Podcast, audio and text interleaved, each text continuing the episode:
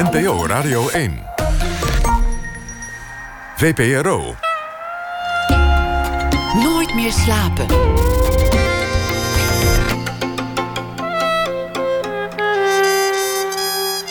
Met Floortje Smit. Welkom bij Nooit meer slapen. Hoe ontwerp je flexibele huisvesting voor de onvoorspelbare vluchtelingenstroom? Dat hoort u rond half twee in Ongesigneerd. Onze reeks over onopvallend design. De laatste aflevering is het alweer en die gaat over de inrichting van een asielzoekerscentrum. En Pieter Jouke die leest wat hij schreef bij het nieuws van de afgelopen dag. Maar komend uur zit eerst tegenover mij, dus zo ongeveer tot een uur of half twee, Lisbeth Labeur. Vandaag was de presentatie van haar Een lamp voor mijn voet. Een boek is dat over Neeltje. Een meisje dat opgroeit met het gereformeerde geloof en daar vraagtekens bij gaat zetten. En uiteindelijk probeert te vluchten in dromen en fantasie. Zoals Labeur dat beschrijft en tekent in prachtige, soms wat drukkende zwart-wit tekeningen, is het eigenlijk een soort neeltje in somber wonderland. Een lamp voor mijn voet is dus een beeldroman over het gereformeerde leven.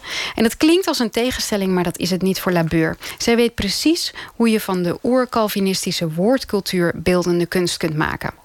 Lisbeth Labeur, Middelburg, 1975, maakt installaties, kunstwerken en tekeningen. Ze is de bedenker van de eenmalig uitgebrachte glossy Calvijn in 2009. En voor haar graphic novel, die nu net eh, weer opnieuw is uitgebracht onder de titel Op weg en reis, kreeg ze in 2011 de Stripschapsprijs. Met en in haar werk wil ze eigenlijk altijd schijnbare, tegenstrijdige werelden bij elkaar brengen. Lisbeth, welkom. Dank u. Um, je heette eigenlijk altijd Cela. Of tenminste, als kunstenaar stond je bekend als Cela. Waar is die naam gebleven eigenlijk? Dat klopt, ja. Uh, toen ik uh, begon als kunstenaar vond ik het wel mooi om een nickname te hebben. Zoals wel meer mensen in, uh, in bijvoorbeeld de street art. Denk aan Banksy. Banksy. Um, en um, op een gegeven moment, uh, nadat ik hem een aantal jaar in gebruik had, uh, merkte ik dat ik steeds e-mailtjes kreeg van een christelijke gospelband. En zij kregen steeds e-mailtjes van mij. We zaten elkaar een beetje in de weg. En uh, toen hebben we overleg gehad. En um, ze wilden mijn naam voor een, en URL voor een paar duizend euro kopen. Dus ik heb mijn naam voor 30 zilverlingen verkocht. en ik ga nu gewoon door het leven onder mijn eigen naam. Ja, onder je eigen naam. Wat betekende Cela eigenlijk? Uh, dat is een woord uit de psalmen. Mm -hmm. uh, uh, dat is een boek uit het Oude Testament, uit de Bijbel. En um, de betekenis van het woord is eigenlijk een beetje onduidelijk. Uh, in de nieuwste Bijbelvertalingen staat het woord Sela ook helemaal niet meer.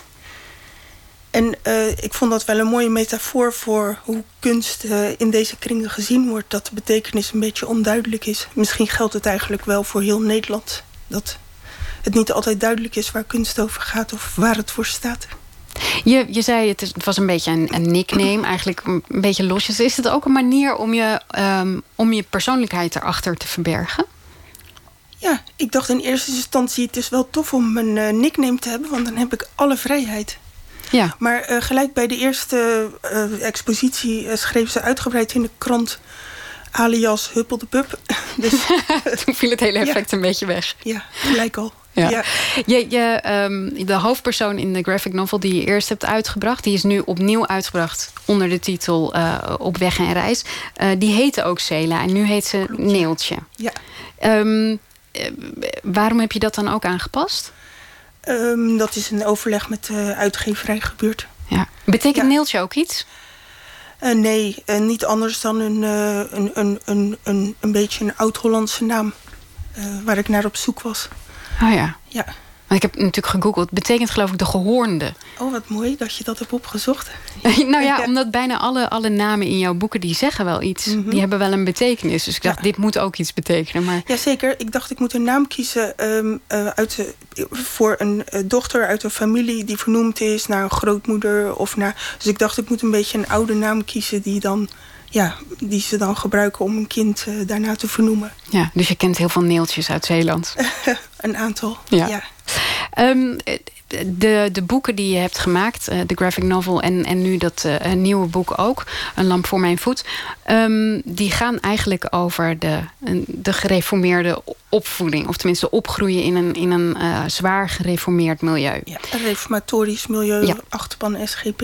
Ja, nou ben jij zelf ook opgegroeid in zo'n milieu. Mhm. Ehm, maar niet in Zeeland. Dat verbaasde mij heel erg. Ja, dat klopt. Ik ben eh, zelf eh, wel in Zeeland geboren. Maar eh, al toen ik, sinds mijn eerste jaar ben ik naar Curaçao gegaan. Wat natuurlijk een volstrekt ander eiland is dan de Zeeuwse eilanden. Ja, het botst bij mij in mijn hoofd echt volledig. Ja. Die twee culturen. Was dat ook zo? Ehm, nou ja, het is voor mij altijd vertrouwd geweest, want je groeit er gewoon op. En eh, je vader en moeder zijn daar en eh, andere mensen die je lief hebt. En eh, ja, het botste voor mij niet. Maar je hebt aan de ene kant Curaçao, daar heb ik een beeld Mhm. bij van uitbundig, vrolijk, kleurrijk. En aan de andere kant heb je dan dus het gezin waar, waar de regels heel streng waren. Eh, Ja, ze- zeker in de boeken. Ehm, en ehm, ik denk dat het voor mijzelf wel eh, duidelijk werd dat er een verschil is tussen Curaçao en tussen eh, Zeeland toen ik terugkwam. Ehm, ja, ik heb eh, al heel veel jaar de neiging om zwart-wit te werken. En ik ben bij mezelf gaan nadenken, hoe kan dat nu toch dat dat, ja, dat dat in mijn werk zit... terwijl ik op zo'n ontzettend vrolijk, kleurrijke eiland ben opgegroeid. En ik eh, dacht, ja, misschien heeft het wel te maken met eh, dat ik in mijn vroege jeugd... eh, van zo'n heel kleurrijk eiland... denk bijvoorbeeld aan het zomercarnaval Rotterdam... of aan de prachtige vissen in zee, het superblauwe water... de prachtige kleuren van de huizen ja, dat, dat, dat heb je niet in Zeeland. Daar in de winter is het een beetje Grijzig. grijs en de bomen zijn zwart. En maar het zijn gewoon alleen maar de kleuren die je ziet die echt anders zijn. Hè? Ik bedoel, je komt natuurlijk wel in een prachtig land terecht waar alles zeer goed geregeld is. En eh, iedereen stipt op tijd is. Dat is, ja, dat is weer heel anders dan Curaçao. Maar inderdaad, het is wel ehm, ja, qua, qua kleur echt een heel verschil. En eh, ja, Was, maar was die gemeenschap, want ik kan me voorstellen dat in Zeeland de gemeenschap ook, ook drukkender is. Dat mensen meer op elkaar letten omdat het ook een, een grotere gemeenschap is. En op Curaçao misschien niet. Ehm, ik weet het niet. Curaçao is ook een kleine gemeenschap. Ehm, maar sowieso, ehm, als mensen van buitenaf naar eh, de reformatorische gemeenschap kijken... of naar een, elke willekeurige andere kleine gemeenschap... dan denk je vaak dat het drukkend kan zijn of dat, het, eh, ja, dat er nadelen aan zitten. Maar zelf woon je gewoon bij de mensen waar je van je houdt. En eh, je kent de mensen, je bent niet bang van ze. Dus het zijn gewoon, ja, de mensen waarmee je ja, leeft, zeg maar. Ja. Maar waren de regels daar anders? Op Curaçao? Ja. Eh, nou, je had natuurlijk wel niet veel gelijkgestemden. We waren wel een van de weinige mensen die ja, ehm, eh, kerkelijk waren. En ehm, in het dorp waar we woonden. Eh, dus dat was inderdaad wel eh, anders dan toen ik in Nederland kwam... waar iedereen opeens naar de kerk leek te gaan. Ja, en ik kan me ook wel voorstellen dat je bijvoorbeeld geen, geen specialistische school hebt op Curaçao. Ja, want mijn moeder die zei de eerste dag dat we in Nederland waren... trek maar een rokje aan, dat vindt de meester leuk. Nou, en ik dacht, eh, want ik ben altijd een erg braaf meisje geweest. Ik dacht, nou, dat doe ik, want dat vindt de meester leuk. En eh, ja, zo ging dat. De, elke dag een rok aan. En eh, eerst had ik op Curaçao nooit een hoedje op in de kerk. En daar wel. Maar dit is toch een Ja. ontzettende omschakeling ook, of niet? Ja, ik denk het wel, maar... Ja, ik heb het niet als problematisch ervaren. Nee. Waar haalde je je vrienden vandaan op Curaçao? Ehm, ja, die wonen gewoon op het dorp. Want jou, we moeten misschien uitleggen waarom je op Curaçao was. Want jouw vader Oh. werkte bij Shell. Klopt, ja. Dus dat waren ook allemaal een soort... Met het dorp bedoel je dan een soort Shell-compound-achtig iets? Klopt, Julianadorp, voor de mensen die het kennen. En eh, daar zat ik ook op school. En eh, de, ehm, we gingen in Curaçao natuurlijk ook wel eh, naar de kerk toe met mijn ouders. En dat was ergens anders. Dat was niet op dat dorp. En eigenlijk ging ook niemand van dat dorp naar het kerkje toe waar we naartoe gingen. Dus dat waren wel ja, een soort van gescheiden werelden.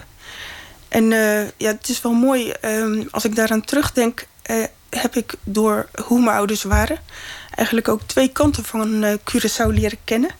Want eh, de ene dag ging ik met mijn moeder eh, voedselpakketten brengen bij mensen die arm waren.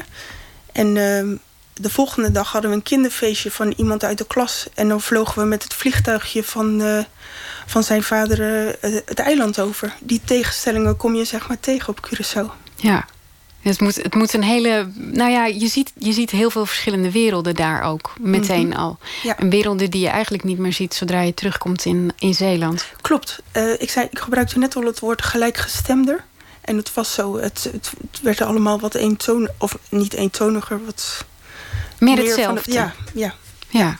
Heb je, um, wilde je toen al kunstenaar worden eigenlijk? Ja, dat wilde ik vroeger al vanaf. Uh, vanaf? Ja, ik denk vier, vijf jaar. Hoe kwam je op het idee? Nou, ik vond het leuk om schilderes te worden. Zo noemde ik dat uh, in die tijd.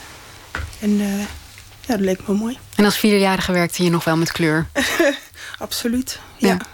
En dat ja. zwart-witte, is dat echt letterlijk gekomen toen je naar Nederland ging? Nee, nee dat chargeer ik natuurlijk een beetje. Maar uh, ja, het zou er wel mee te maken kunnen hebben. Ja.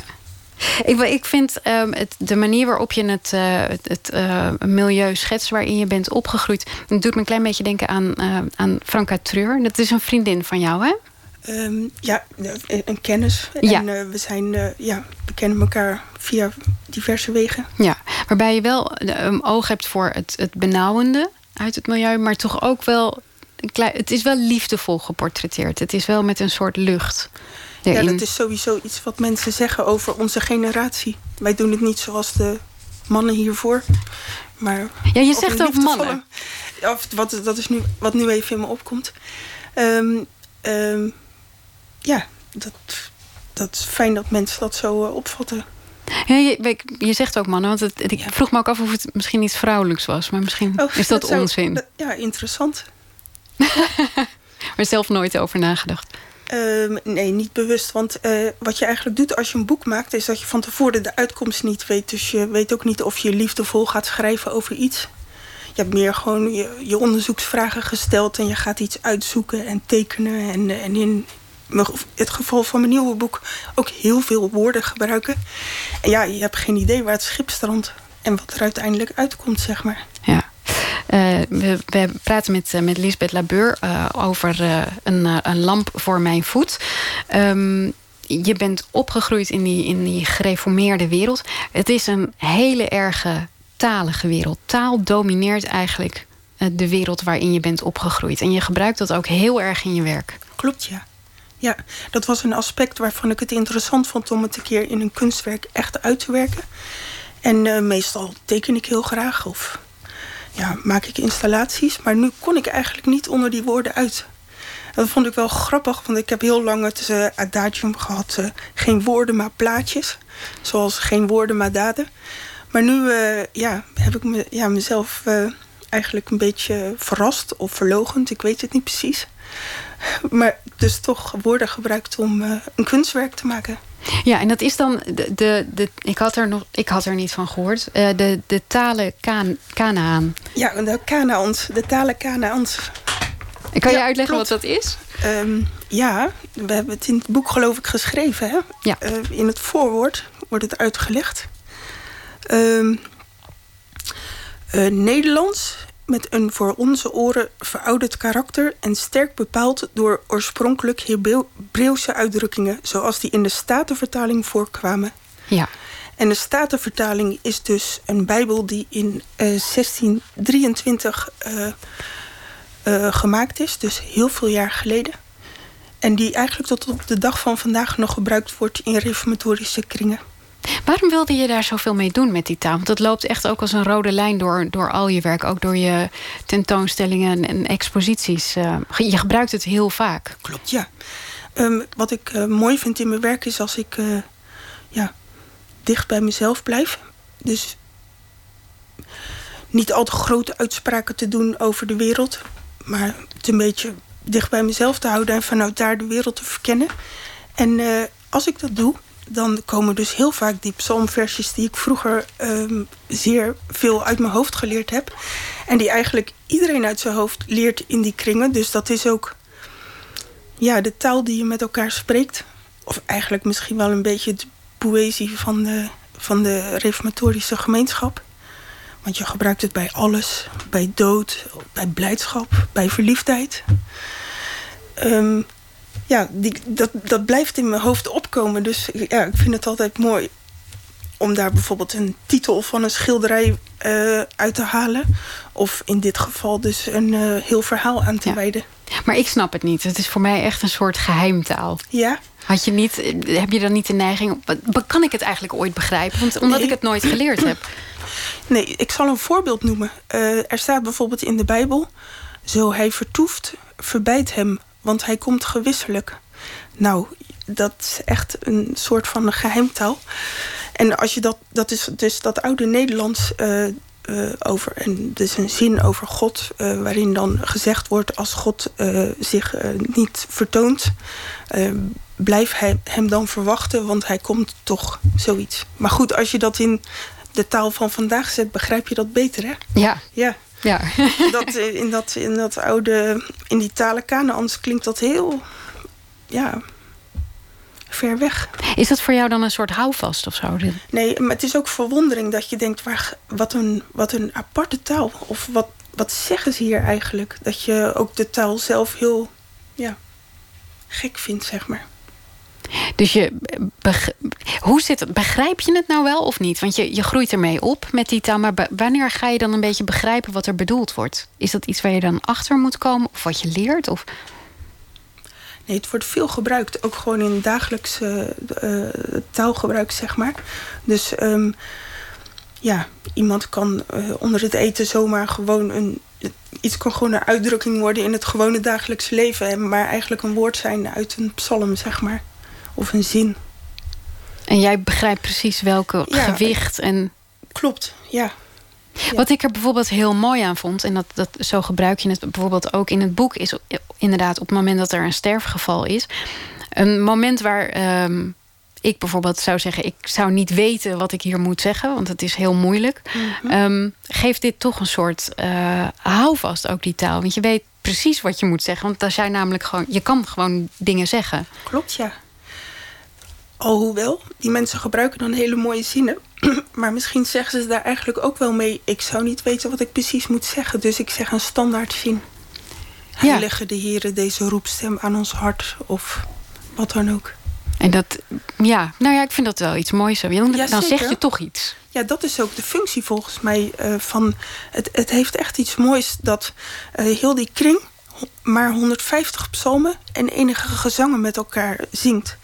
Ik heb er ook over nagedacht. Stel dat heel Nederland um, al die 150 psalmen zou kunnen en die enige gezangen, dan zouden we een taal hebben die we met elkaar spreken. Het zou ons verbinden, zeg maar. Ja, we hebben nu een taal hè, die, we, die we met elkaar spreken in principe. Jazeker, maar het, het is natuurlijk de beperktheid ook van uh, het... Uh, en de herhaling ervan dat je het uh, van jongs af aan steeds... Ja, die, die, die, die poëtische taal die niet plat is, maar iets, iets, iets, ja, iets geks heeft, dat je die gebruikt naar elkaar toe. Ja.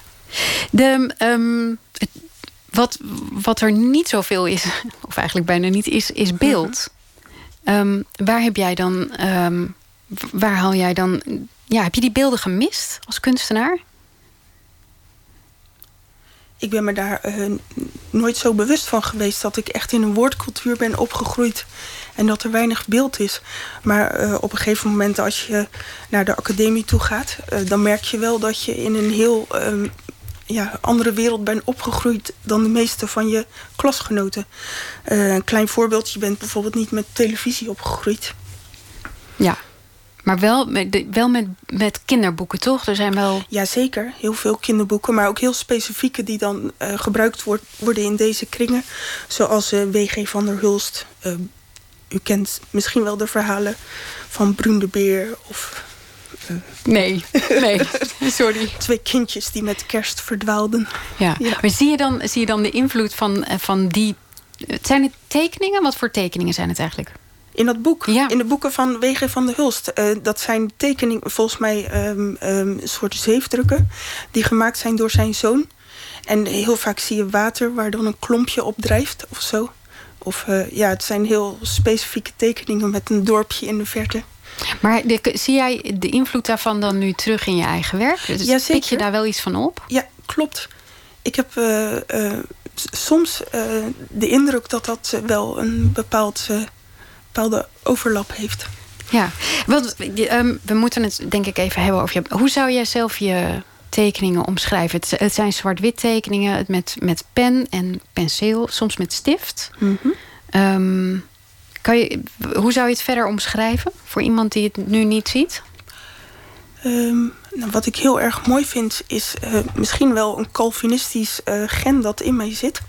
Ehm, ik vind het echt heel mooi hoe je met een eenv- eenvoudig met- met een stukje papier en een, en een pen of met inkt een hele wereld op papier kan, kan zetten. Met hele sobere middelen, of soms zelfs met een sobere tekening. En eh, ja, dat is eigenlijk een onderzoek waar ik al heel lang mee bezig ben. Het eh, onderzoek naar de kleur zwart en eh, wat je daar allemaal mee kunt. En je hebt natuurlijk heel veel soorten zwarte. Van houtskool tot diep zwart. van markeerstift tot offset inkt. En alles heeft weer net een andere tint. Of als je het met water combineert, vloeit het anders uit. En dat is een hele, ja, hele boeiende eh, zoektocht. Waarom alleen dat zwart?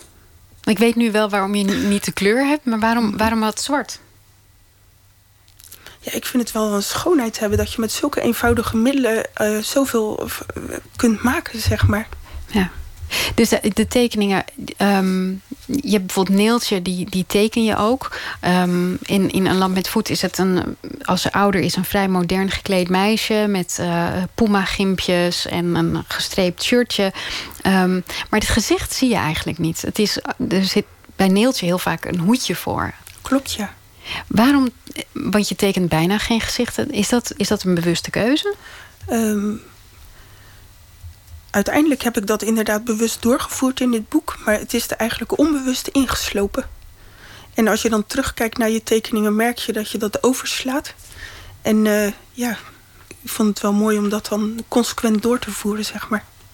Wat ik, er, wat ik erin zag ook heel erg is dat je, omdat je bent opgegroeid in een, eh, in een ehm, cultuur waar het niet normaal is om dingen te verbeelden, dat het bijna is alsof je ook ergens nog terughoudt. Dat je niet alles wil verbeelden. Oh ja? Ja. Het zou zomaar kunnen. Sowieso is het eh, boek eh, nu gemaakt en eh, gedrukt en in de winkel. En dat betekent dat het nu niet meer mijn betekenis hoeft te hebben, maar het is nu van iedereen. Dus mensen mogen daar alles in zien. En zo krijgt je kunstwerk eh, vaak ook zijn definitieve betekenis door wat eh, de, de, de lezer of de kijker er ook van, ja, van vindt. Maar dacht je, is het, ehm, was het voor jou een worsteling dat je dus inderdaad kunst wilde maken, dat je juist heel erg wilde verbeelden, terwijl dat niet, ehm, nou, niet echt dan is in, in gereformeerde kringen? Ja, ja. In mijn geval eh, heb ik dat zelfs. kan ik mezelf daarover dingen kwalijk nemen. Want ik zat op de middelbare school en ik vertelde dat ik graag naar de kunstacademie wilde. En toen zei die eh, docent die ons hielp met eh, het keuze, de keuze van je opleiding. eh, weet je het wel zeker? Want als je naar een. ehm, ik zat op het Calvijn College in Goes. Hij zei: Als je naar een academie toe gaat, dan kan je wel van je geloof gebracht worden. En toen heb ik zelf de beslissing genomen. Ik zei misschien al eerder dat ik eh, wel een braaf meisje was. ik dacht, dat is niet wijs. Dat moet ik niet doen. Dus eh, ik ben eh, dus niet naar de academie gegaan, gelijk naar de middelbare school. Maar ik ben naar. ehm, eh, ik ben goede werken gaan doen. Goede werken? Ja, in de zorg. Oh ja. En, ehm, eh, maar na een paar jaar kroop bloed waar het niet gaan kon. En eh, ik was al altijd gewoon met eh, dingen maken bezig. En ik had ook een, iets anti-kraaksachtigs in de stad eh, als atelier. En toen dacht ik, nou, ik, ik wil dit zo graag doen. En als ik dit echt goed wil doen en ik wilde echt mijn geld mee gaan verdienen, dan moet ik gewoon professioneel kunstenaar worden. Dus toen, na jarenlang, kon ik mezelf er toch toe zetten om wel naar een academie toe te gaan. En dat is echt waar de geweldigste keuze geweest die ik ooit heb gemaakt. Want eh, vanaf dag één ging ik dus met een verliefd gevoel naar die school toe. En je kwam tussen mensen die, ja, die even gek zijn als jou. en eh, ja, het is, het is echt eh, een heel mooi beroep. je hebt zeg maar met de kunst en uh, het maken van dingen er een tweede wereld bij. Uh, niet de echte wereld waar alles vast ligt, maar een fantasiewereld. En dan kun je dingen zeg maar een beetje naar je hand zetten of soms mooier maken. Het is een soort bevrijding geweest. Ja, ja, ja. Ja. Wij praten strakjes verder na het nieuws met uh, Lisbeth Labeur. Ook gaan we het hebben over het uh, ontwerp van een asielzoekerscentrum. En Pieter Jouke die leest een verhaal voor bij het nieuws van de afgelopen dag. Dat en meer strakjes na het nieuws van 1 uur.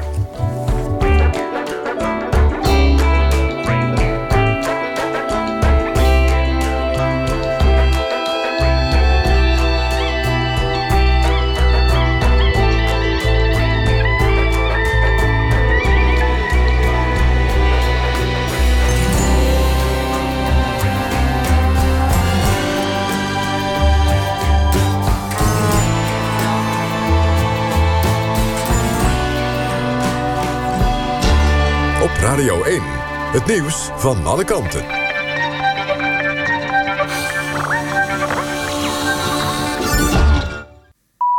1 uur, Michel Koenen met het NOS-journaal. De advocaat van de jongen die vastzit voor de dood van Savannah van 14... zegt dat ze is geschrokken van de reconstructie van de moord door RTL Nieuws. Daaruit bleek onder meer dat de jongen van 16 is gefilmd... dicht bij de plek waar het lichaam is gevonden. Ook had hij een bankpas een ID-kaart en de fietssleutels van Savannah in zijn bezit. Een advocaat vindt dat het gaat om gevoelige informatie van een minderjarige jongen. Hij zit nog altijd vast en beroept zich deels op zijn zwijgrecht. Bij een schietpartij in een ziekenhuis in de wijk The Bronx in New York is een dode gevallen. Een man verkleed als dokter opende het vuur. Naast de doden raakten ook nog zeker vijf mensen gewond, van wie drie artsen. De schutter heeft volgens de politie zelfmoord gepleegd. Hij was een paar jaar geleden ontslagen uit het ziekenhuis vanwege seksuele intimidatie.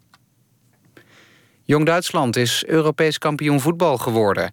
Het team voor spelers onder 21 jaar versloeg in de finale in het Poolse Krakau Spanje met 1-0. Voor Duitsland was het de eerste titel sinds 2004. Hakim Ziyech stelt zich weer beschikbaar voor het Marokkaanse elftal.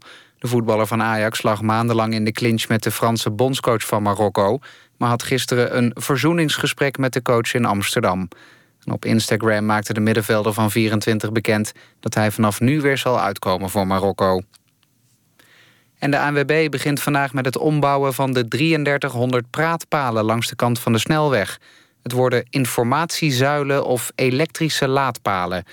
Wie met pech langs de kant van de weg staat, kan vanaf nu de wegenwacht alleen nog maar mobiel bellen. Het weer, er trekt een buigebied over het land en het koelt af tot een graad of 14. Overdag eerst veel regen, maar later op de dag vanuit het noordwesten droger en kans op wat zon. Het wordt 18 tot 21 graden en aan zee waait het stevig. Tot zover het NOS-journaal, ANWB Verkeersinformatie, vier files.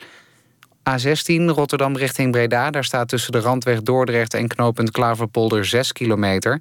zijn wegwerkzaamheden, twee rijstroken zijn dicht... De A27 Utrecht richting Almere. Daar staat tussen Beeldhoven en knooppunt Eemnes 6 kilometer. En dan zijn er nog twee files in Zeeland op provinciale wegen... vanwege Concert at Sea.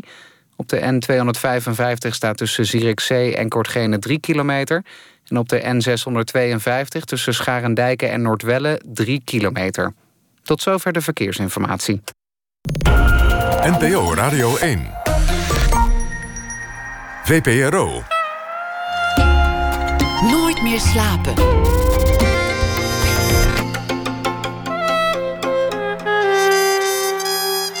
Met Floortje Smit. Welkom terug bij Nooit meer slapen. En tegenover mij uh, zit nog steeds Lisbeth Labeur... die uh, net als de hoofdpersoon uit haar nieuwe boek... Lamp voor mijn voet uh, opgroeide in een gereformeerd gezin. Maar dan wel in Curaçao, heb je net verteld. je vertelde ook dat je toen je terugkeerde uit Curaçao... de kleurenpalet uit je leven verdween... en je vervolgens je helemaal gestort hebt op zwart en natuurlijk wit. Um, we hebben het gehad over hoe uh, de taal je jeugd eigenlijk heeft beïnvloed. En hoe een leraar ook tegen jou had gezegd... je moet absoluut niet met beeld aan de slag... want dan verlies je misschien wel je geloof. Ik vroeg me af, geloof je eigenlijk nog? Nee. Ik, uh, ik denk dat ik niet meer op de manier van vroeger uh, in God geloof. het, het vroeger was geloven dat je God als enige waarheid zag en als, als ja, heilig. en alle antwoorden waren ook duidelijk. um, en ondertussen denk ik dat, ehm, dat het toch anders in elkaar zit. Want ehm, geloven of God heeft ook heel veel te maken met uh, zaken van leven en dood. En uh, als het gaat om leven en dood, dan wil je toch de echte waarheid weten. En ik ben er denk ik achtergekomen dat, um, ja, dat de Bijbel en God meer een verhaal is dan de waarheid. Voor mij persoonlijk dan. Ik snap wel dat religie voor mensen heel waardevol kan zijn. Zeker uh, om me heen zie ik het uh, veel bij de mensen waar ik van hou. Dat, die nog steeds in God geloven. Um, ja, dat ze bijvoorbeeld bij een sterfgeval denken... wat, ja, diegene is nu in de hemel en dat kan ik hem toch niet ontzeggen. Dus het is goed zo. Hè? Je kunt dingen een plaats geven. En het is mooi voor die mensen dat het die functie heeft. Waar begon die twijfel dan? Uh, ik denk dat dat heel geleidelijk gekomen is. Uh, ja, dat uh, je je dingen afvraagt en dingen niet uit gewoonte wil doen. Dat je je vragen stelt bij van alles en nog wat. En dat je zo stapje voor stapje zeg maar alles probeert te ontrafelen. Hoe het nu echt in elkaar zit. En op een gegeven moment dacht ik, yes, dit is eigenlijk een heel zo zit het in elkaar. Um, eigenlijk zijn grote levensvragen te vergelijken met, uh, met uh, onweer. Uh, en wat je daarvoor uitleg aan geeft of antwoord op geeft. Zo van, is er eeuwig leven? Hè? En dan zegt de ene groep dit en de ander geeft dat als antwoord. En de volgende groep die zegt nee, er is geen eeuwig leven. Uh, zo is het eigenlijk ook met uh, onweer. Uh, als je aan de Germanen, een heel vroeg volk uit Nederland, zou vragen wat is onweer, dan zouden ze je antwoorden in verhalen over goden. En ehm, ehm, als je kijkt naar de bevindelijk gereformeerden, de reformatorische mensen, zeg maar, en, en kijk naar hun psalmen, dan spreekt God als het dondert. Niet dat ze dat letterlijk denken, maar um, soms kan het wel zo voelen voor mensen. Uh, en je, ja, je kent wel verhalen van mensen die onder, uit eerbied onder de tafel gaan zitten als het onweert of zo, omdat God spreekt. Uh, en vraag je een gemiddelde ongelovige Nederlander vandaag de dag uh, wat onweer betekent, dan zullen ze daar een zeer objectief antwoord over geven. Namelijk uh, dat het deeltjes zijn die zich moeten ontladen en de kortste weg naar de aarde zoeken. En eigenlijk geven ze dus allemaal op hetzelfde fenomeen hun antwoord. En bedoelen ze hetzelfde, alleen ze spreken het in een andere taal uit. De taal van hun tijd of ja, in verhalen en niet objectief. En zo zit het volgens mij ook met, uh, ja, met die grote levensvragen zoals... Uh, ja, is er eeuwig leven? Uh, er zijn dus mensen die daar uh, op antwoorden in de verhalen van de Bijbel. En er zijn ook mensen die daar een objectief antwoord op zoeken. Maar eigenlijk bedoelen ze dus allemaal hetzelfde. Alleen ze zeggen het anders, het antwoord anders. Maar toch geloof je niet meer in, in wat jou verteld is vroeger. Mm -hmm. um, dus je, je bent ergens gaan twijfelen aan het, aan het bestaan van God. Dat dat in ieder geval ja. niet het antwoord is. Nee, zeker. Het is wel een mooi verhaal. Maar het is niet uh, volgens mij zoals de werkelijkheid in elkaar zit. Het is een subjectieve uh, waarheid, zeg maar. Het is een, een verhaal. Als je misschien ja, nou ja, eigenlijk doe ik zelf in mijn beroep hetzelfde. Uh, je verzint verhalen om uh, dingen in de werkelijkheid een plaats te geven. En zoiets gebeurt er volgens mij ook in de Bijbel. En dat is heel mooi. Of dat gebeurt in indianerverhalen. Overal en nergens verzinnen mensen verhalen. Omdat ze eigenlijk niet weten wat het antwoord is. Is er leven na de dood? Wie weet het antwoord?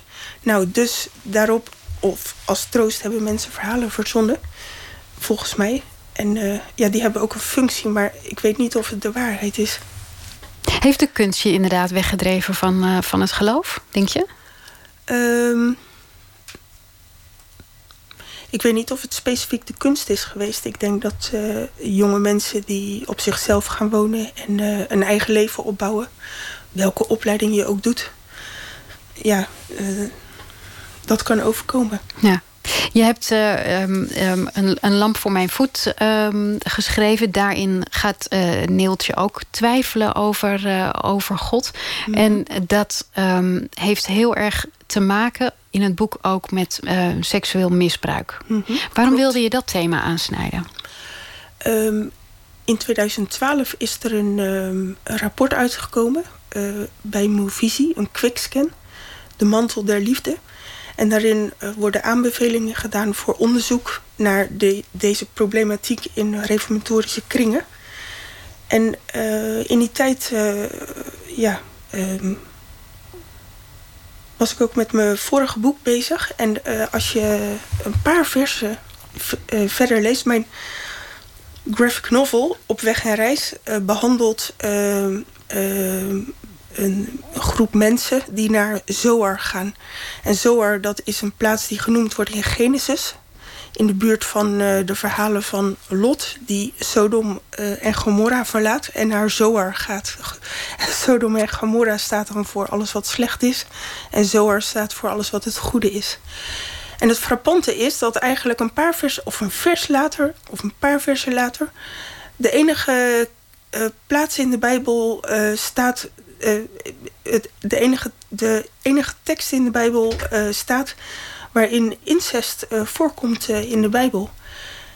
En nou, van het een kwam het ander. Um, um, en ja, het leek me ehm, zeker gezien alle verhalen die er in de media komen, weliswaar over heel andere groepen, over sportclubs, over de Rooms-Katholieke Kerk um, heel boeiend om uh, ja, hier een keertje een poosje van mijn leven uh, mijn tijd aan te besteden. Ook omdat, ja, omdat het ook um, gelinkt is aan het geloven. Tenminste, in je boek link je het aan het geloof. In die zin dat um, een Neeltje praat er bijvoorbeeld niet over... omdat ze het zichzelf uh, kwalijk neemt. Omdat ze natuurlijk ook opgevoed is in een plek waar uh, de mens inherent schuldig is. Dus mm -hmm. zij voelt zich ook meteen schuldig aan dat seksuele misbruik. Ja, klopt ja.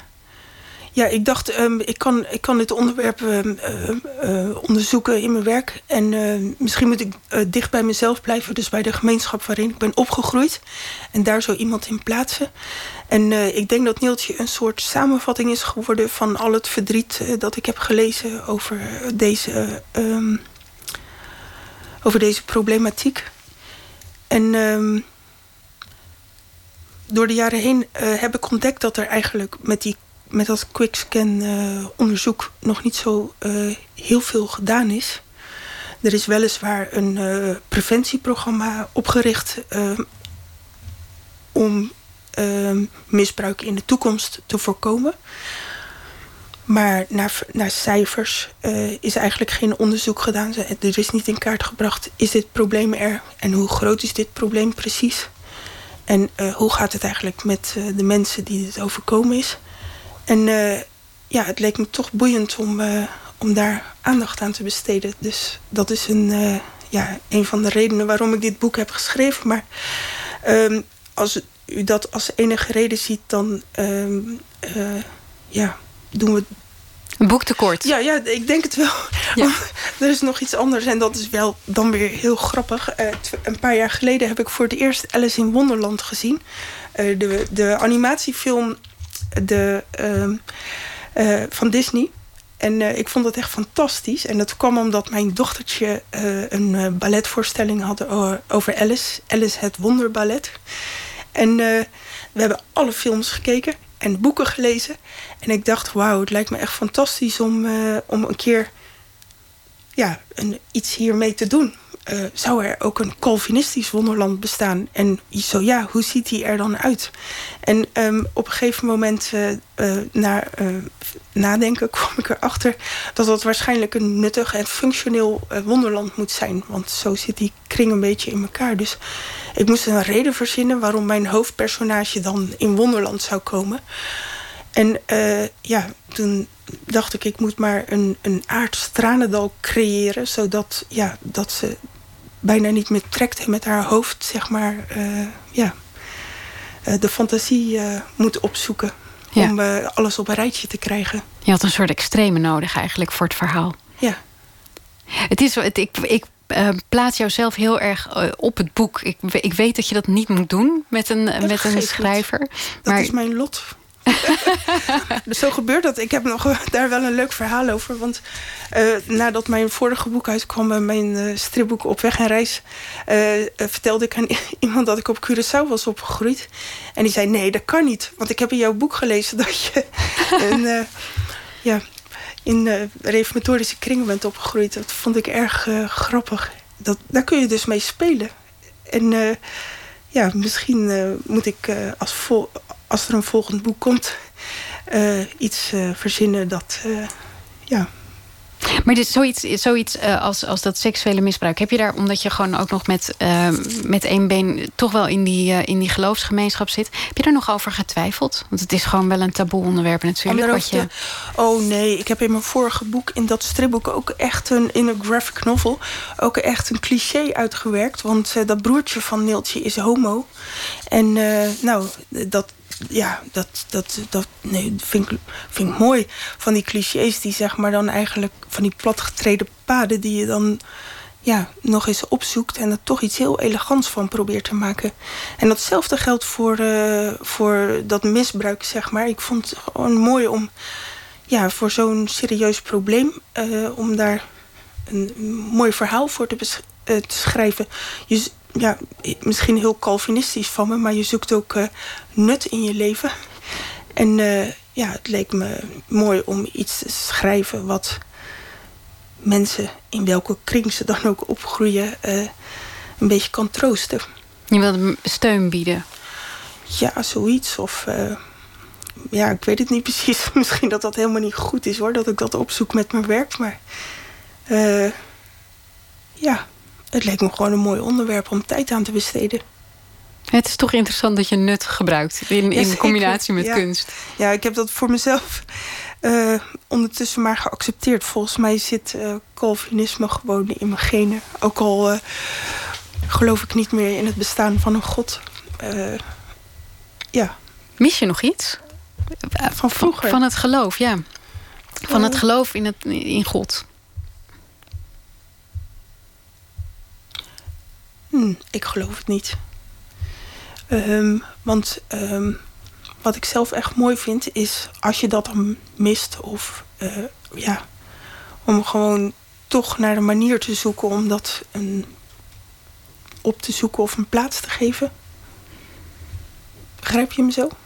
Ja, nou, het, het, wat volgens mij er het meest ingewikkeld aan is, is dat je op het moment dat eh, God wegvalt, dat ook het hiernamaals wegvalt. Dus dat betekent dat je niet meer leeft voor mhm. hierna, maar dat je dat nu moet gaan doen. Ja, absoluut. Ja. Is dat bij jou een. Um, ja, wat heb je daarmee gedaan met dat besef? Heeft dat iets veranderd? Um, ik denk het uh, zeker. Ja. Um, je geniet gewoon veel meer van het nu, zeg maar. Ja. Als je alleen maar gericht bent op het later, dan, ja, dan stel je zeg maar, het genieten van dingen soms uit. Hè? Want het gaat niet om nu, maar om later. Uh, en ik ben daar nu, me nu wel veel bewuster van dat het om het nu gaat. Het geeft meer. Meer is er waarschijnlijk niet. Ja. Daar heb je je wel bij neergelegd inmiddels. Ja, nou, het is ook een voortschrijdend inzicht. Ik ben ook wel benieuwd hoe ik daar over tien jaar over denk. Want eh, als je ziet wat voor evolutie ik heb doorgemaakt vanaf mijn jongste jaren. Wat uh, denk ik over tien jaar of over twintig jaar? Het blijft dynamisch, zeg maar, je inzichten. En eh, dat wordt ook beïnvloed door alles wat je meemaakt in je leven. Ik ben benieuwd. Ja. We gaan uh, even naar muziek. Benjamin Clementine is een uh, Engelse kunstenaar, dichter, componist en muzikant. Deze zomer zal hij meerdere festivals aandoen. Te beginnen bij uh, Rock Werchter, dat is dit weekend. En van het album At Least For Now uit 2014 draaien we Gone.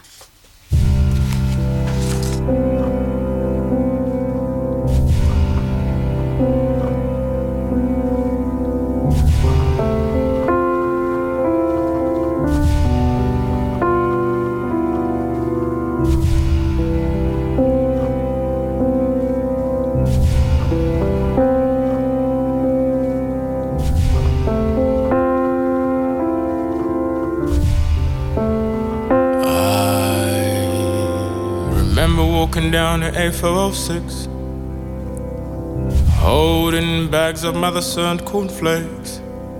Guessing somebody might have noticed a little boy, big head, small ears, wow, making a bella through a Sunday mist.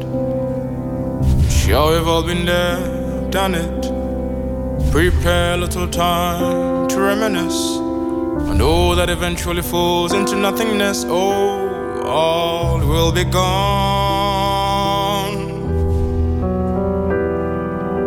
After all,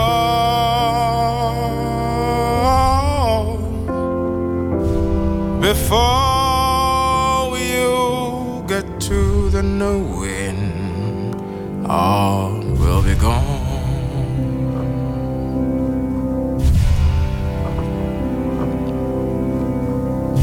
back to a life seemed promising at first. Gambling on memory's lane. I tried a trip through all the pavement fields, but I lost, cause all had changed. Like the road I used to cross to school is now full of prostitutes.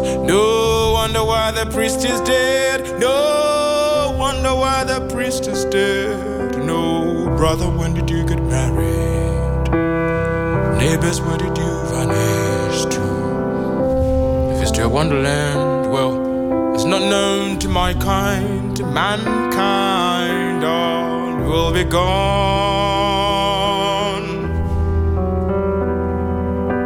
After all,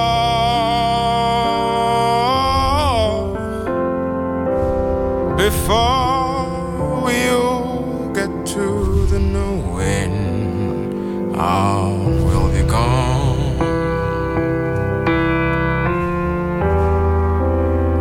about relationships? What is it about relationships that we just don't get? Here we are, always thinking we've learned. Only to get smacked and realize we are but mere students of life.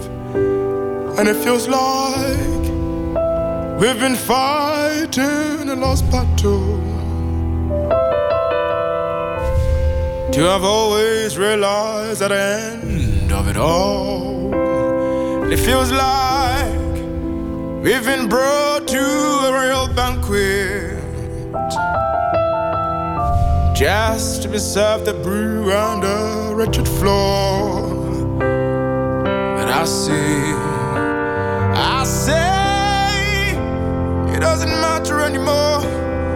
doesn't matter.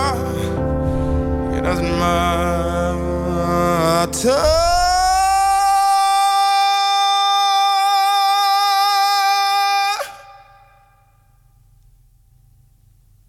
Oh, go back, it's too late. And so I'll get it all going whilst it all gets lost and gone.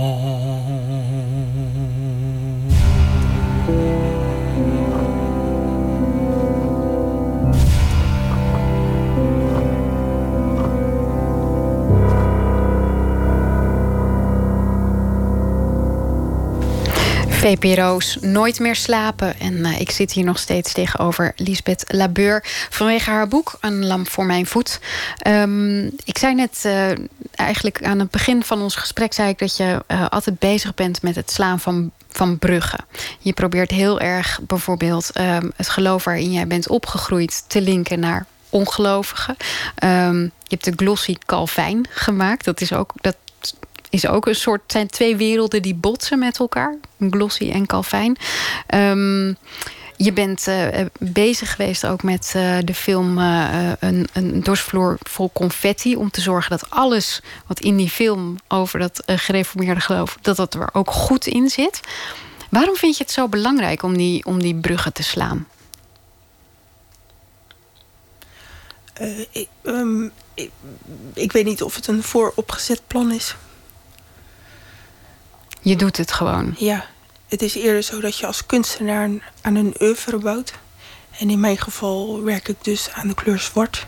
overigens niet alleen over reformatorische zaken, maar uh, ik vind het ook heel interessant om iets met uh, blanke en zwart te doen. De blanke mens en de zwarte mens. Um, of andere zaken die vallen onder zwart. Ja, je bent, je bent bezig geweest met een slavernijproject. Um, uh, in, in... Klopt, ja. Toevallig gisteravond nog, want uh, ik uh, hoorde dat het de waken was bij ons slavernijmonument.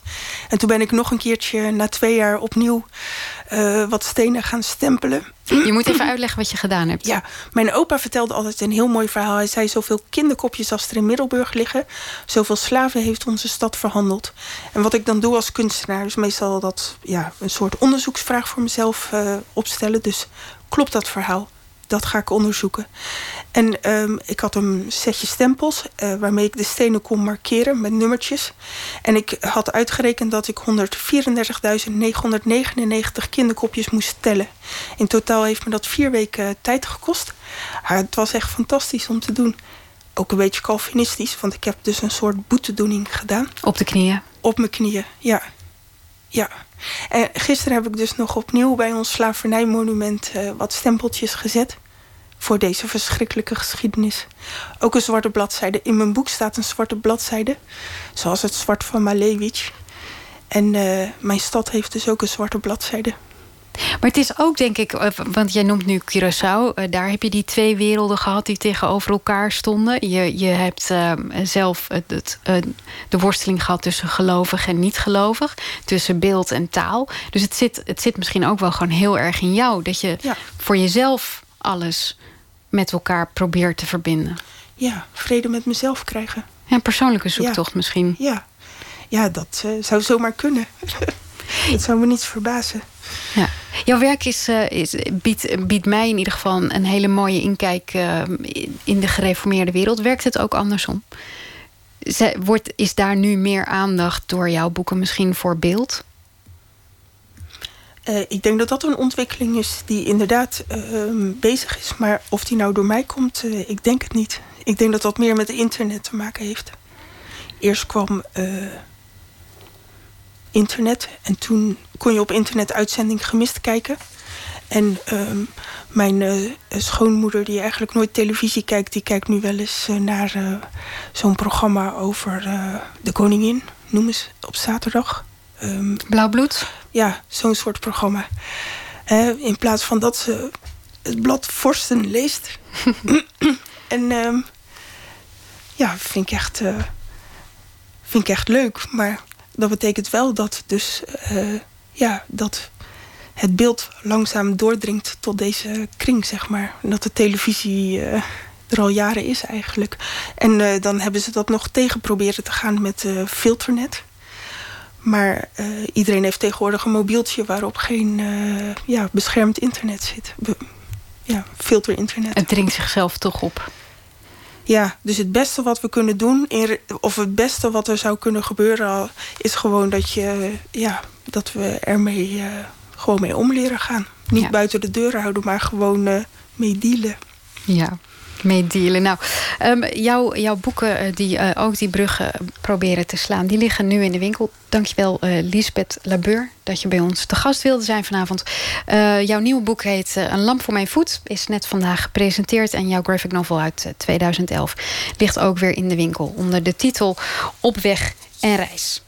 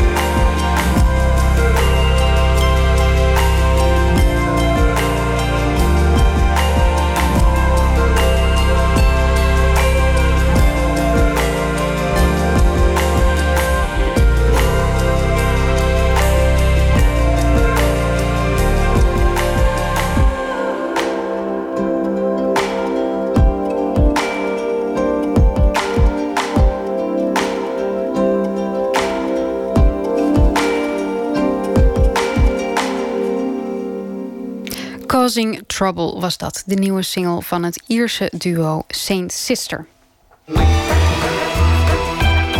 Nooit meer slapen.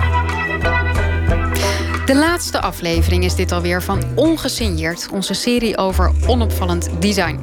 Tjitske Musse en Laura Stek die namen u eh, de afgelopen weken al mee in het ontwerp van het, decor, van het kantoor, van het winkelcentrum en eh, van de begraafplaats. Deze keer gaan ze op zoek naar een plek die wat minder goed toegankelijk is: het asielzoekerscentrum. Staat er een asielzoekerscentrum bij jou in de, in de buurt?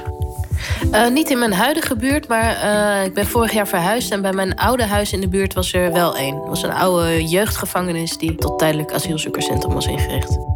Er stond een haringkarretje tegenover. En daar had ik ook wel eens haring. En dat waren voornamelijk mannen daar. Die stonden dan buiten wat te roken of die zaten daar een beetje te praten. Uh, maar er stond ook altijd bewaking voor. En dat vond ik altijd gek, dat ik dacht van, nou ja, het is geen gevangenis meer. En waarom moet daar überhaupt bewaking staan? Ja, en sowieso, allemaal van die kleine raampjes en donker leek het me. Het leek me geen fijne plek om uh, te zijn. Dit is Ongesigneerd, een serie over onopvallend design. Gemaakt door Tjitske Musche en Laura Stek. Niet het gebouw is de moeilijkste, maar het wachten. Het asielzoekerscentrum.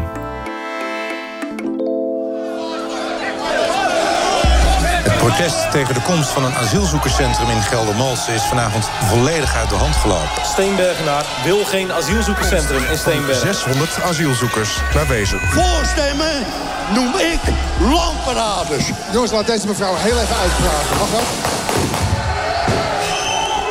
Het zijn bekende geluiden. Die van de boze en vooral bange burger rond de komst van een asielzoekerscentrum. Het is een terugkerende cyclus die in de jaren 80 niet anders was dan nu. Voor de gewenning is er vooral verzet. Ook terugkerend is het last-minute karakter. De asielopvang wordt zo lang mogelijk genegeerd.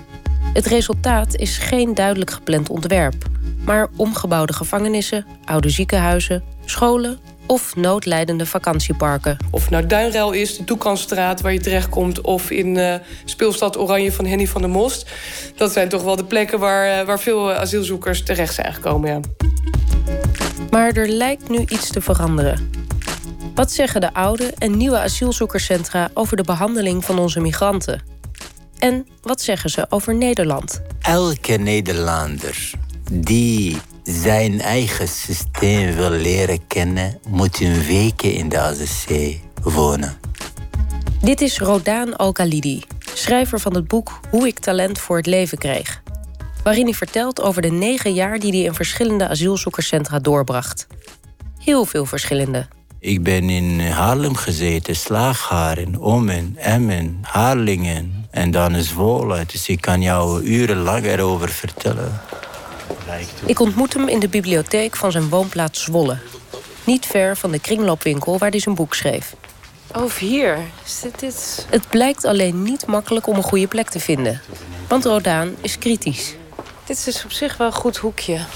Ik haat die soort ruimte. Dat vind ik vreselijk. De kleine afgeschermde hokjes, op zich perfect qua akoestiek, vallen af. Rodaan kiest de twee leunstoelen bij het grote raam met uitzicht op de gracht. Als jij mij naar een andere kamertje gebracht en mij geïnterviewd, dan voel ik mij een asielzoeker en jij een medewerker van D&D. Dan is dit interview een heel voor mij. Al die asielzoekerscentra hadden dikke muren van vroeger. En de ramen zijn niet groter gemaakt. Dus je hebt een soort een gevoel dat je gaat in een gebouw wonen in Nederland 50 jaar geleden of 200 jaar geleden, in een andere tijd. Bij de kantoren van de medewerkers ben jij in deze tijd. Maar in onze kamers, in de douche, ben je eigenlijk, reis jij in de tijd net als een film van Steven Spielberg.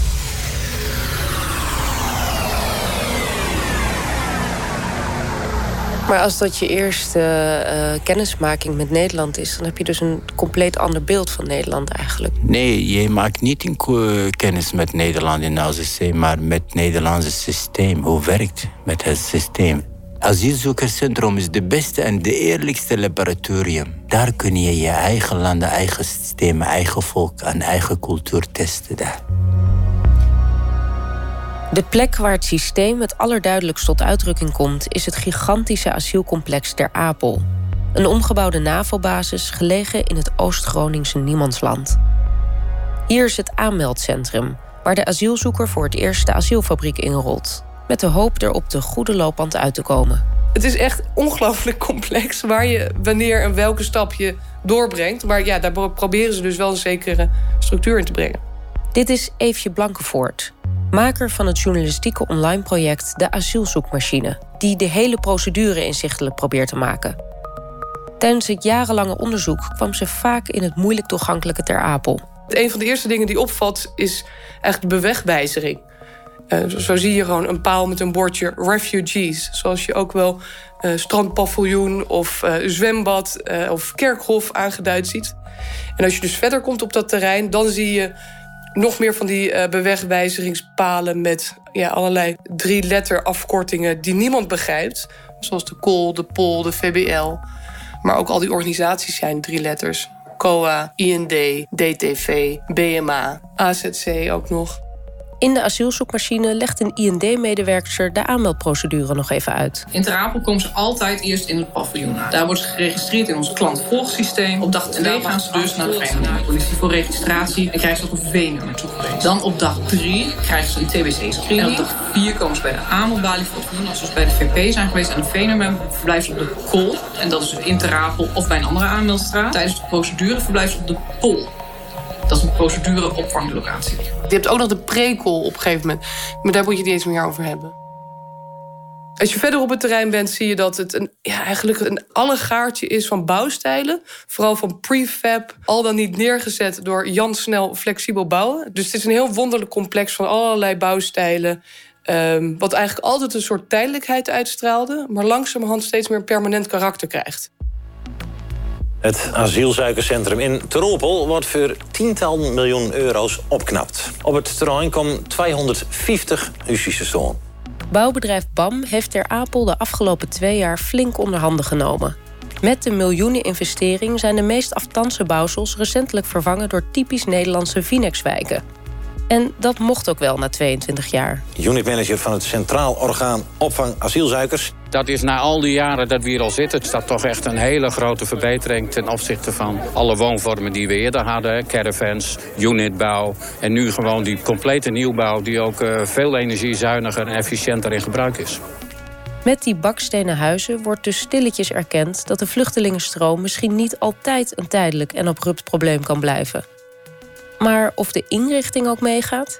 Altijd zijn het die breedgestreepte gordijnen. Het zijn altijd die blauw of, of rood formica stoelen. Dit is ook zo typisch. Die kleuren, een beetje oranje, bruin, geel, helder blauw, rood. Dat zijn wel een beetje de kleuren van de asielwereld. Blauw, oranje, geel en groen. En bij de blauw-oranje waar ik daar gebleven, alle muren en ramen en deuren zijn oranje. Rodaan heeft het nu over de kleuren van de afdelingen van een van zijn vele AZC's. Geel afdeling waar de ramen en de deuren en de muren geel voor families, gezinnen. Groene is voor mensen die te lang gebleven in de AZC en net niet gek geworden blauw voor mensen is echt stabiel gek geworden. En oranje voor mensen die vrolijk en minder dan vijf jaar in de AZC gezeten. het is een beetje raar. Ik, ik vind Nederlanders zijn de beste in selecties. En het is zo systematisch, zeg maar. Zoiets. Maar jij kunt er nog om lachen. Ja, omdat ik heb het honderden keer gezien. Andere asielzoekerscentra waren geen kleuren, maar namen voor afdelingen. En wat voor namen waren dat? Vilhelmos of uh, Ajax of uh, Alphense Brisley soms noemen ze sommige plekken. Het zijn hele grappige namen, zodat de asielzoeker kan onthouden. Although it's always crowded, you still can find some room for broken-hearted lovers to cry there in the gloom. Be so Overal hangt zo'n tv vergrendeld aan de muur of aan het plafond... waar ze ook COA-tv op hebben. Met mededelingen rondom procedure of meldplicht. En dus van dit soort stapelbedden. Schuimrubberen matrasjes, een lokker... en natuurlijk weer een klein tafeltje met een rood en een blauw stoeltje in dit geval. Je hebt recht op een tafel, een stoel, een koelkast, een kluis en een bed, maar dus niet op een bank. En je mag dus ook geen bank meenemen. Dus zolang je in een AZC zit, zit je nooit op een bank. Ja, zo oncomfortabel mogelijk. Al dus architect Anneloes de Kof, die afstudeerde op huisvesting voor vluchtelingen. Een lastig thema voor een architect. Want hoe haal je alles uit de kast voor een doelgroep waarbij niet alles uit de kast mag? Aan de ene kant zeggen ze je mag asiel aanvragen, maar aan de andere kant is de huisvesting zo georganiseerd en het ziet het er op zo'n manier uit dat het een aanzuigende werking wil voorkomen. Hoe verder je in de keten bent richting vertrek, dus richting uitgeprocedeerd zijn als asielzoeker, hoe soberder het ook wordt. Ze zeggen sober en humaan. Dus daartussen moet je je manoeuvreren eigenlijk. Uh, het is dus een maquette van schaal 1 op 50 van dus hoe een stukje van die stad eruit zou kunnen zien in zo'n gebouw. Anneloes deed het afgelopen jaar mee aan de ontwerpwedstrijd A Home Away from Home. Het Centraal Orgaan Opvang Asielzoekers en de Rijksbouwmeester vroegen daarbij om nieuwe oplossingen voor de onvoorspelbare instroom. Anneloes ontwierp Comfort City, werktitel De Tussenruimte. Met het idee dat asielzoekers zijn weggerukt uit hun eigen omgeving en nog niet geworteld in de onze, wilden ze een plek maken die de overgangsfase wat prettiger maakt. Een iets zachtere landing in ons koele kikkerland. Ja, dat je dus ook mogelijkheden hebt om het deels te personaliseren. En dat het niet een soort kampgevoel is van allemaal dezelfde repeterende units. Maar dat het dus een levendige stad in een gebouw kan worden, zoals ook een normale stad is. Ze nam grote leegstaande gebouwen midden in de stad als uitgangspunt. Waarbinnen een overkapt complex van cafés, werkplaatsen en woningen kan ontstaan. De diverse type woningen worden gemaakt met een soort mega 3D-printer. De bewoners kunnen het door hen gewenste bouwpakket zelf in elkaar zetten. En omdat het dus zonder schroeven is en bouten, is het gewoon een manier van klikken en schuiven. Dus um, iedereen kan het eigenlijk. Stel, we nemen als voorbeeld dat het een Syrisch gezin is met uh, twee kinderen. Dan um, willen ze graag een schoenenrek bij binnenkomst, dat ze hun schoenen uit kunnen doen. Um, Syrische gezinnen eten vaak van bankjes. En zo zouden Nigerianen een woning kunnen krijgen waarbij het woon- en kookgedeelte van elkaar gescheiden is, zoals gebruikelijk. Allemaal binnen de wettelijke eis van 5 vierkante meter per persoon. Met de restplaten die over zijn van het bouwpakket kunnen ze hun unit versieren. Maar wat vinden de nieuwkomers zelf eigenlijk? Want wat wij denken dat belangrijk is, is voor hen misschien minder belangrijk. En vice versa. Die plastic stoelen zijn nog beter dan in onze eigen landen. In Irak had ik niet eigen stoel eens. En die bedden, ik had altijd matras op de grond. Allemaal is beter. Um, in het begin dacht ik, moet heel huiselijk zijn, heel gezellig. Toen leek dat dus minder, minder nodig te zijn. Maar ik denk dat uiteindelijk het belangrijkste is dat je je eigen plek hebt. Dat jij een kamertje deelt jarenlang met vier of vijf mensen tegelijk zonder één seconde privé. Dat is de heel, niet het gebouw van buiten of van binnen. En Rodaan heeft nog een aantal tips voor de architecten. Veel afzuigkappen in de keuken dat is twintig soort kruiden en olies en geuren. Dan is het een soort massavernietige wapen. is een soort gasfabriek. En ik zou dat de asielzoeker hoeven niet de hele tijd door de receptie naar buiten. En door de medewerkers van de END, van de sociale dienst, van de VVN, van het vluchtenwerk. Nee, een andere gang waar hij al die ellende niet hoeft te zien, jarenlang dagelijks. Stel je voor, jij hebt de relatie met iemand is uit. Je zou echt niet in dezelfde straat wonen. Dat de asielzoeker bepaalt van welke deur hij naar buiten gaat. En dan absoluut scheiden de kinderen van de sfeer. Dat niet een gezin met vier kinderen hebben een kamer naast drie gekke mannen. Ik laat hem het ontwerp van Anneloes zien. Oh, ik zou graag nu al daar wonen. Dit zou dan zo'n patio kunnen zijn. En hier kun je, dit is dan de eetruimte. Hier kom je binnen, hier doe je je schoenen uit. Als de asielzoekers zo, dan ken ik zoveel Hollandse vrienden gaan ze asiel aanvragen in Nederland om daar te wonen. In die hal zie je overal die lichtjes door die panelen heen. Beter dan die gordijnen. Hey, eh, ik zou graag daar met een leuke fruitje en wifi en zwembadje bij. Maar dit ziet eruit als een hipsterbar. Ja. Vluchtelingen kunnen ook hipster zijn. Ik zou graag drie bestellen. Anneloes de Koff behoorde met haar ontwerp tot een van de winnaars van de wedstrijd. Haar plan wordt dus uitgevoerd. En wel in een oud winkelpand in Houten. Dat is niet de plek waar ze oorspronkelijk aan dacht. Dat waren de 19e-eeuwse Van Genthallen in Amsterdam. Ik denk dat dit meer een soort statement was. Van we pakken een van de mooiste gebouwen. En waar huisvesten we daar niet onze vluchtelingen in? En dit is nu sowieso waarschijnlijk niet beschikbaar als AZC. Nee, nee.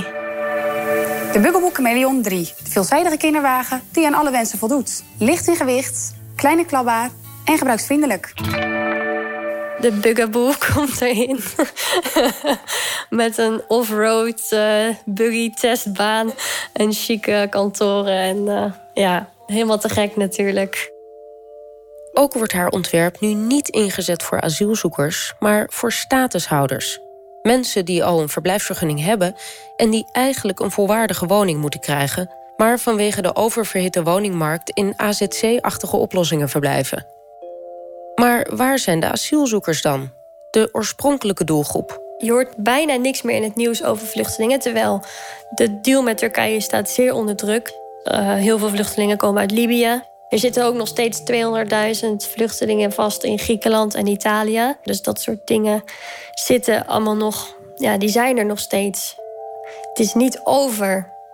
Toen de wedstrijd werd uitgeschreven, was er nog sprake van een grote stroom. Maar inmiddels is die teruggedrongen omdat Europa zijn buitengrenzen de facto heeft gesloten. Met dat in gedachten relativeert Rodaan zijn jarenlange wachtverblijf. Ik heb eh, meer dan negen jaar in asielzoekerscentrum gezeten. Ik leef nog. Door het raam zie ik de gracht, het water.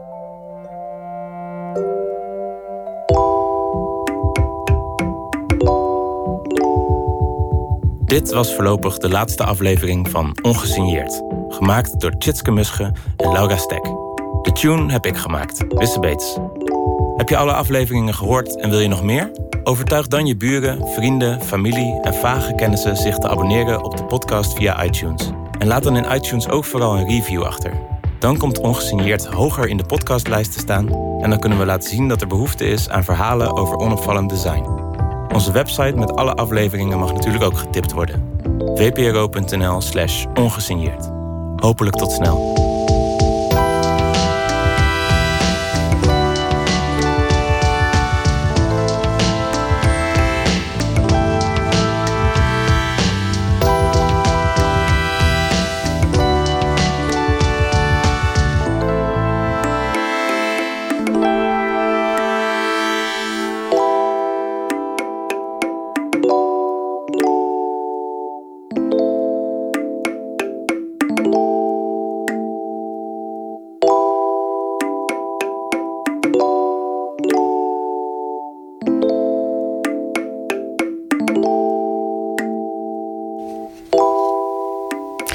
Dit was dus de voorlopig laatste aflevering van uh, Ongesigneerd.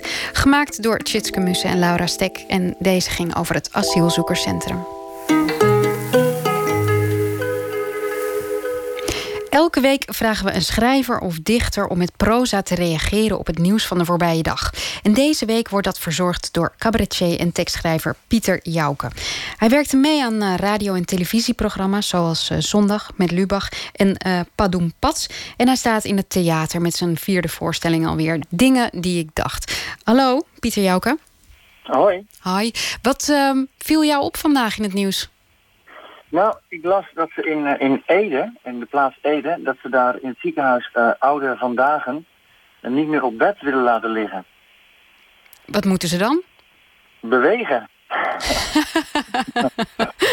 maar sporten of gewoon zo'n beetje door de gangen stiefelen? Wat is het idee? Nou ja, ja, zoveel mogelijk bewegen, dus zoveel mogelijk hun functies benutten. En, eh, en, en voor de ene is dat, eh, is dat meer sporten dan voor de ander. Maar ze krijgen een enkelband om en die, die geeft dus aan hoeveel ze hebben bewogen die dag. En dat moet aan een bepaald eh, minimum voldoen. En, eh, en als dat niet zo is, dan eh, Ja, dan wat? van hun bed gelicht. Oh, ik lach erom, maar het is eigenlijk heel tragisch.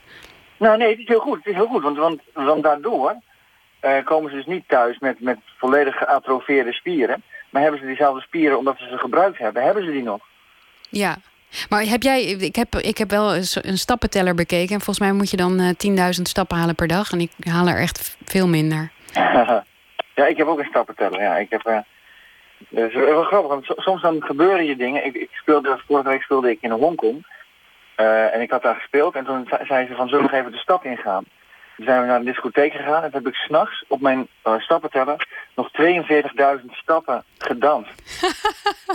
Een marathon gedanst in een uurtje of 4, 5. eh Dansstappen. Ja, nou ja, die tellen ook. Zo moet je het maar zien. ja, ik had nog sportdrank zou ik willen zeggen. Maar we drijven ontzettend af eh, van de bejaarden. Lees je verhaal. Komt-ie. Ik las vandaag dat in een ziekenhuis in Eden, in Ede, ouderen een enkelband omkrijgen.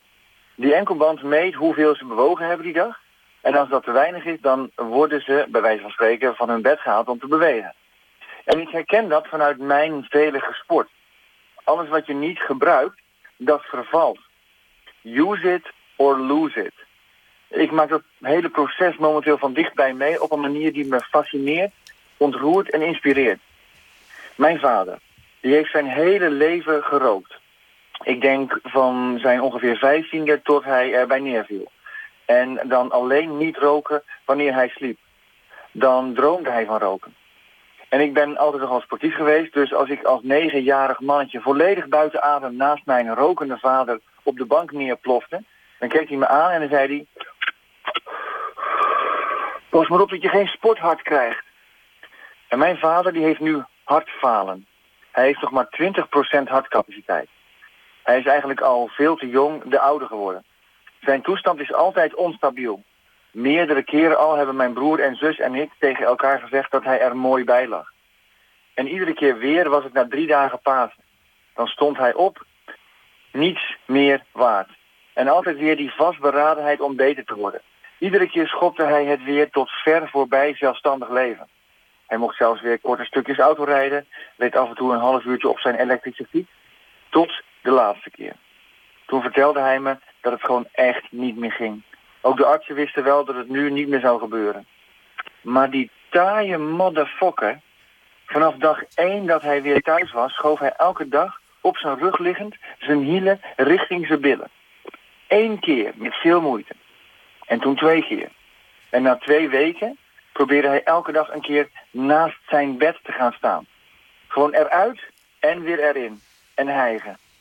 En nu, afgelopen zaterdag, liep hij met zijn stok zelfs even de stad in. Eerst een klein stukje op de elektrische fiets. En daarna misschien wel 10 minuten de stad in. En dan in 30 minuten weer terug. Hij was helemaal op. Maar hij vertelde vandaag dat verhaal aan mij met meer leven in zijn ogen dan ik bij veel mensen zie. En ondertussen was hij nog steeds niet hersteld van zijn onmogelijke prestatie. Maar daar zat hij hoor, trots naast me op de bank, piepend en hijgend. En even, heel even dacht ik, oh, als hij maar geen sporthart krijgt. Wat een levenslust. Je hebt, je hebt me helemaal weer op een ander been gezet. Dat bewegen is wel goed. Ja, hè? Ja, toch wel. Toch Ja. wel. hey, Pieter Jouke, dank je wel eh, voor je bijdrage van de afgelopen week. Heel graag gedaan. Charlie Fink was de frontman van de Britse band Noah Noel. Toen die band uit elkaar ging, besloot Fink alleen verder te gaan. Deze maand verschijnt dan zijn eerste soloalbum Cover My Tracks en hiervan is dit Firecracker.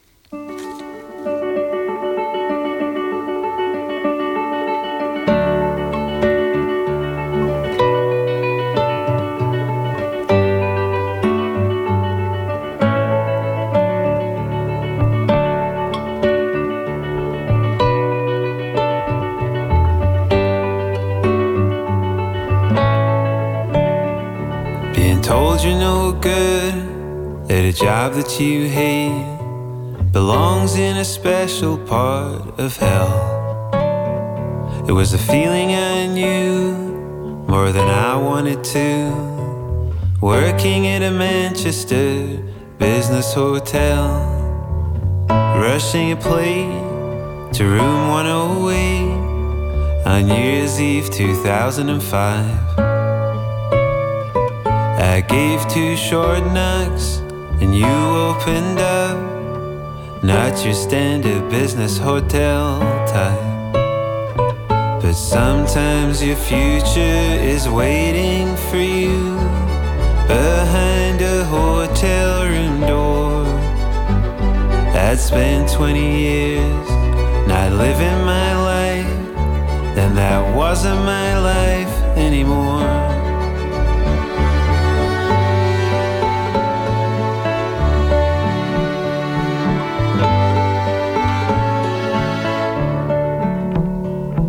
I saw your guitar case, asked if you played. You said no, that's where I keep my machine gun. I used to tour with a banjo, but ever since I switched, nobody ever asks for a refund. You signed for the trade, leaned in to say, Hey, where you going? Do you smoke? Was happening to me when you pulled out a joint from your coat.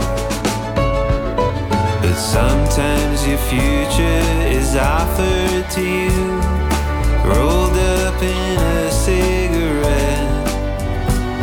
I'd spent 20 years not living my life, right till that moment we met. And like a firecracker, watched from a prison yard. Charlie Fink is dat met uh, Firecracker. Eén minuut nu. Een serie vol wonderlijke verhalen in 60 seconden. Dit is alleen voor vrouwenoren.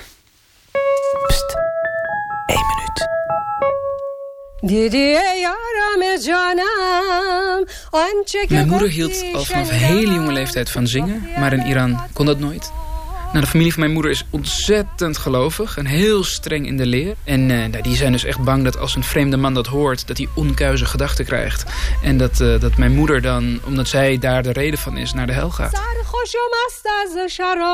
Nou, het mooie is, mijn moeder is dus echt hier in Nederland gaan zingen. Is een paar keer gevraagd om op podia te spelen. En de bandjes daarvan, die hebben we naar Iran opgestuurd omdat haar broer heel veel van muziek houdt. En ook heel veel van zijn zus. Die hij in de laatste 27 jaar maar drie keer heeft En die bandjes zijn dus helemaal grijs gedraaid. Wie er ook op bezoek komt, die krijgt dus dat bandje. Maar de enige die niet naar die bandjes luistert, dat is dus mijn oma. En de keren dat ze het wel gehoord heeft, werd haar verteld. Van ja oma, dit was alleen maar in een bijeenkomst waar alleen maar vrouwen zaten. Dus voor zover mijn oma weet, zingt mijn moeder nog steeds niet als er mannen bij aanwezig zijn. Eén minuut gemaakt door Saar Slegers met dank aan het Mediafonds. Dan uh, nog iets over maandag. Dan komt uh, journalist Okke Ornstein langs. Uh, straks kunt u luisteren naar De Nacht van de Radio. En ik wens u een hele goede nacht toe. Op Radio 1, het nieuws van alle kanten.